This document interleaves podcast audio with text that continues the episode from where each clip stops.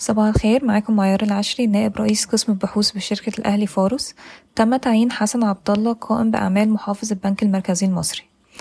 أبقى البنك المركزي أسعار الفائدة دون تغيير يوم الخميس تماشيا مع توقعاتنا. وافق مجلس الوزراء على دفع عشرة مليار جنيه للمصدرين.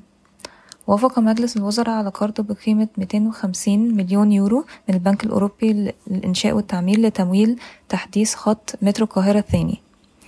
سجل صافي ربح مابكو في الربع الثاني من 2022 واحد فاصل ستة مليار جنيه بانخفاض واحد وعشرين في المية على أساس ربعي وبزيادة تلاتة وتلاتين في المية على أساس سنوي مما رفع صافي ربح النصف الأول من عام 2022 إلى تلاتة فاصل سبعة مليار جنيه بزيادة اتنين وسبعين في المية على أساس سنوي.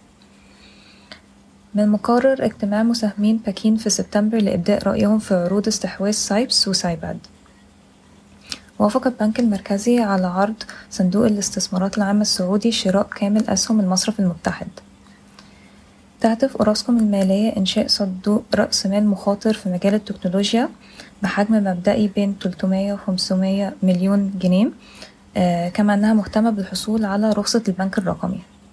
يعتزم صندوق الاستثمارات العامة السعودي الاستثمار في شركة مدينة الإنتاج الإعلامي. استحوذت الشركة القابضة للتشييد والتعمير على 8.3% من شركة زهراء المعادي.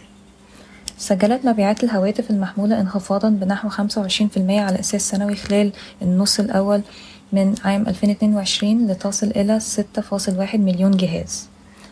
تطرح وزارة التجارة والصناعة مناقصة لثلاثة مجمعات صناعية تضم ألف وحدة في صعيد مصر الأسبوع المقبل للمشروعات متناهية الصغر والصغيرة والمتوسطة. وقعت شركة التطوير الرئيسية التابعة لشركة سويس كانال زون وشركة موانئ دبي العالمية اتفاقية لبناء منطقة لوجستية بقيمة 80 مليون دولار في ميناء السخنة. شكرا ويوم سعيد.